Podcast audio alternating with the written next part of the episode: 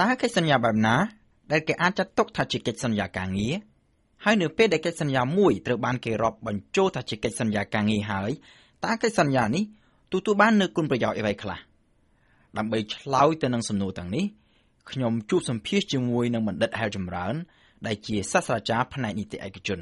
លោកធ្លាប់បានសរសេរសៀវភៅមួយស្ដីអំពីនីតិការងារកម្ពុជាលោកហែលចម្រើនសំណួរទី1ដែលខ្ញុំចង់សួរថាតើអ្វីទៅជាកិច្ចសន្យាការងារ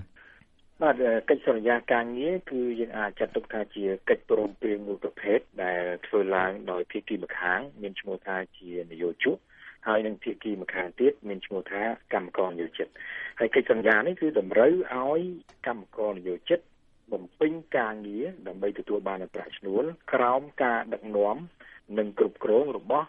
យោជកអញ្ចឹងយើងអាចសង្ខេបនិយាយនៅខ្លីបានថាកិច្ចសន្យាការងារនេះគឺមានលក្ខណៈខុសប្លែកអំពីកិច្ចសន្យាផ្សេងៗទៀតដោយលក្ខណៈវិនិច្ឆ័យ3យ៉ាងទី1គឺកម្មករនយោជិតត្រូវធ្វើការងារទី2គឺនយោជកត្រូវតែផ្ដល់នូវប្រាក់ឈ្នួលឲ្យកម្មករនយោជិតដែលជាការផ្ដល់នូវតម្លៃតបស្នងហើយនឹងទី3គឺកម្មករនយោជិតត្រូវតែធ្វើកិច្ចការងារនោះក្រោមការដឹកនាំរបស់នយោជកគឺ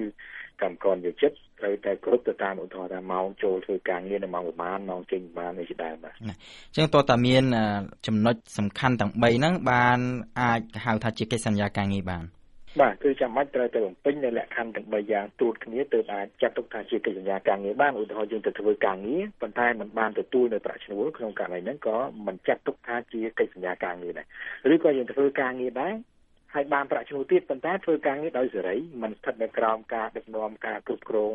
ចាត់ចែងរបស់ភាគីម្ខាងទៀតក្នុងករណីហ្នឹងក៏មិនអាចចាត់ទុកថាជាកិច្ចសន្យាការងារបានដែរយើងឲ្យឈ្មោះថាជាកិច្ចសន្យាសហគ្រាសឬក៏ជាកិច្ចសន្យាម៉ៅការទៅវិញចង់ដឹងថាតើកិច្ចសន្យាការងារចាំបាច់ត្រូវតែធ្វើឡើងជាលិលាអសរឬក៏អាចធ្វើជាផ្ទាល់មាត់បានតាមច្បាប់កិច្ចសន្យាការងារអាចធ្វើឡើងជាលិលាអសរក៏បានឬក៏ធ្វើឡើងតាមរយៈពាក្យសម្ដីផ្ទាល់មាត់ក៏បានតែគ្រាន់តែថាអញ្ចេះគឺថាមានការខុសប្លែកគ្នារវាងកិច្ចសន្យាការងារដែលមានធរៈវេលាកំណត់និងកិច្ចសន្យាការងារដែលមានធរៈវេលាមិនកំណត់បើសិនជាកិច្ចសន្យានឹងមានធរៈវេលាកំណត់ក្នុងករណីនេះចាំបាច់ត្រូវតែធ្វើឡើងជាលិលាអក្សរប៉ុន្តែបើសិនជាកិច្ចសន្យាដែលមានធរៈវេលាមិនកំណត់វិញគឺយើងអាចធ្វើឡើងជាលិលាអក្សរក៏បានគឺដោយមន្តទេក៏បាន ចូលនៅក្នុងករណីមួយមួយជាក់ស្ដែងតែម្ដងចង់សួរថាតើអ្នកបម្រើដែលធ្វើការនៅក្នុងផ្ទះបោះជូតឬក៏ដាំបាយគឺគាត់ទៅធ្វើការឲ្យគេហើយគាត់ទទួលបានប្រាក់ឈ្នួលមែនហើយគាត់ស្ថិតនៅក្រោមបង្គាប់របស់ម្ចាស់ផ្ទះហ្នឹងថាតើនៅក្នុងករណីហ្នឹងចូលជាករណីកិច្ចសន្យាការងារដែរឬទេចំពោះអ្នកបម្រើនៅតាមផ្ទះនេះច្បាប់ស្តីពីការងារឆ្នាំ1997របស់យើងបានចែងច្បាស់លាស់នៅក្នុងវិសាលភាពនៃការអនុវត្តច្បាប់ហ្នឹងច្បាស់លាស់ហ្នឹងគឺថាអ្នកបម្រើក្នុងផ្ទះ มันអាចចាត់ទុកថាជាកម្មករនយោជិតបានទេអញ្ចឹងมันអាចស្ថិតនៅក្នុងក្របខ័ណ្ឌនៃច្បាប់ការងារឬក៏នៃកិច្ចសន្យាការងារបានទេក្នុងករណីមួយទៀតជាករណីដែលមានការជួលមនុស្សយកទៅធ្វើការងារប៉ុន្តែមិនជាការធ្វើជាប់លាប់រាប់ខែរាប់ឆ្នាំទេគឺជាការជួលម្ដងម្កាល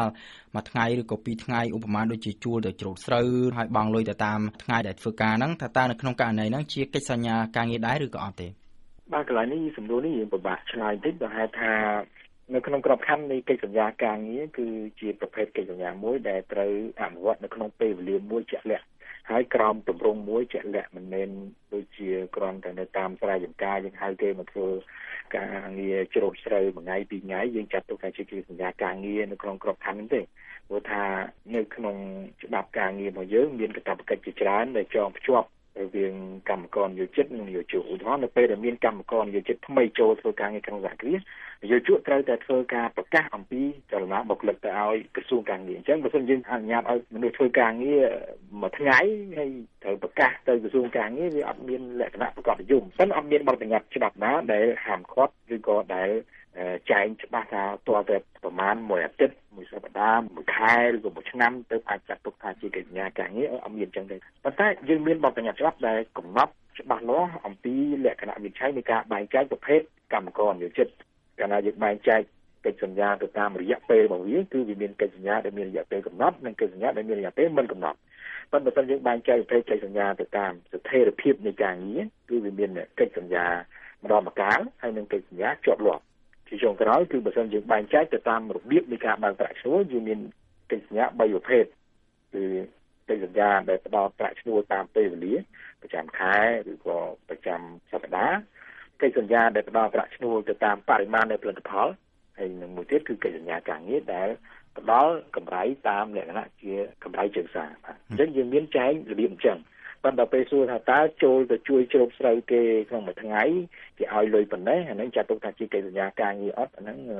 យើងមើលជាទម្រង់គឺអាចចាត់ទុកបានព្រោះគាត់ចូលទៅចូលស្រូវហ្នឹងក្រោមការដឹកនាំរបស់អ្នកជួលអញ្ចឹងមែនប៉ុន្តែមួយថ្ងៃអញ្ចឹងយើងពិបាកកំណត់ថាហ្នឹងត្រូវទៅចូលនៅក្នុងទម្រង់នៃកិច្ចសន្យាការងារហ្នឹងបាទប៉ុន្តែជាគោលការណ៍គឺយើងអត់មានបទបញ្ញត្តិណាដែលបដិសេធទេ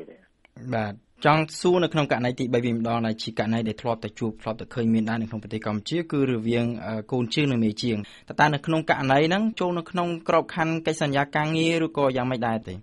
បាទខ្ញុំសូមបង្ហាញថាចេះកិច្ចសន្យាដែលជាប់ជាប់រវាងកូនជាងមេជាងអីហ្នឹងសូមបែងចែកជាពីរករណីករណីទី1យើងឧទាហរណ៍រឿងជាមាសឬក៏ជាងកុសក់អីកាលណាកូនជាងត្រូវទៅបង់ប្រាក់ ថ្លៃសេវាបណ្ដុះបណ្ដាលវិជ្ជាជីវៈទៅឲ្យមេជាដែលជាគ្រូក្នុងករណីហ្នឹងគឺយើងមិនអាចចាត់ទុកថាជាកិច្ចសន្យាវឹកវើកូនជាងទេហ្នឹងគឺ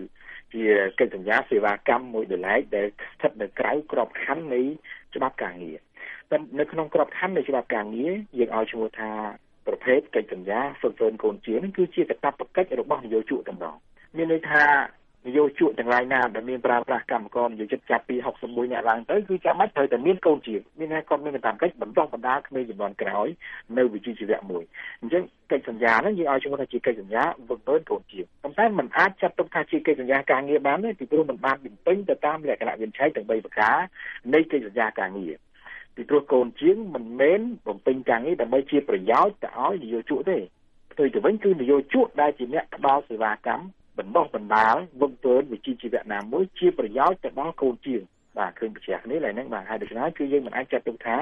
កិច្ចសញ្ញាវឹកវើកូនជាងជាប្រភេទនៃកិច្ចសញ្ញាការងារបានទេទោះបីជាកូនជាងនេះស្ថិតនៅក្រោមបង្គាប់របស់មេជាងក៏ដោយបាទមានសំណួរមួយទៀតចង់ដឹងថាតើមានគុណប្រយោជន៍ត្រណាខ្លះបើសិនជាកិច្ចសន្យាហ្នឹងគេរាប់បញ្ចូលថាជាកិច្ចសន្យាការងារកាលណាកិច្ចសន្យាមួយត្រូវបានគេរាប់បញ្ចូលទៅក្នុងក្របខ័ណ្ឌនៃកិច្ចសន្យាការងារកិច្ចសន្យានោះ គឺទទួលបាននៅអត្ថប្រយោជន៍ផ្សេងផ្សេងដែលមានកំណត់នៅក្នុងច្បាប់ស្តីពីការងារឧទាហរណ៍ដូចជាការឈប់សម្រាកដែលមានប្រាក់ឈ្នួលមួយឆ្នាំគេឲ្យឈប់សម្រាកប្រចាំឆ្នាំ8 10ថ្ងៃអីជាដើមបាទហ្នឹងគឺជាអត្ថប្រយោជន៍ដែលកើតចេញមកអំពី លក្ខណៈសម្បត្តិនៃកិច្ចសន្យាការងារបើសិនជាកិច្ចសន្យាហ្នឹងមិនមែនជាកិច្ចសន្យាការងារទេគឺมันអាចទទួលបាននូវអត្ថប្រយោជន៍ទាំងអស់នោះទេសំណួរចុងក្រោយចង់ដឹងថាតើនៅក្នុងច្បាប់ការងារនៅប្រទេសកម្ពុជាហ្នឹងមានបានកំណត់ថាបើសិនជាកិច្ចសន្យាហ្នឹងជាកិច្ចសន្យាការងារប្រាក់ឈ្នួលអបបរមាហ្នឹងគេកំណត់ថាត្រូវតែឲ្យមានត្រឹមកម្រិតណាដែរឬក៏អត់មានទេនៅក្នុងច្បាប់ការងារនៅក្នុងច្បាប់ការងារយើងបច្ចុប្បន្ននេះនៅយុទ្ធរមានតាំងពីឆ្នាំ97មកដល់ពេលនេះគឺប្រកបណាស់យើងមានបទបញ្ញត្តិដែលចែងគេ ឲ្យឈ្មោះថាប្រាក់ឈ្នួលអបបរមាដែលត្រូវធានាហើយការកំណត់ប្រាក់ឈ្នួលអបបរមាដែលត្រូវធានានេះគឺកំណត់ដោយប្រកាសរបស់ក្រសួងកាងារដែលយើងបច្ចុប្បន្ននេះយើងមិនទាន់មានឃើញប្រកាសរបស់ក្រសួងកាងារណាមួយដែលកំណត់ថាប្រាក់ឈ្នួលអបបរមាដែលត្រូវធានានេះមានតម្លៃប៉ុណ្ណាទោះបីជាធ្វើការងារក្នុងវិស័យវិទ្យាណាក៏ដោយយើងអត់ទាន់មាននៅឡើយទេយើងមានចេះយើងមាននៅក្នុងវិស័យកាត់ដេរគឺយើងមានប្រាក់ឈ្នួលអបបរមា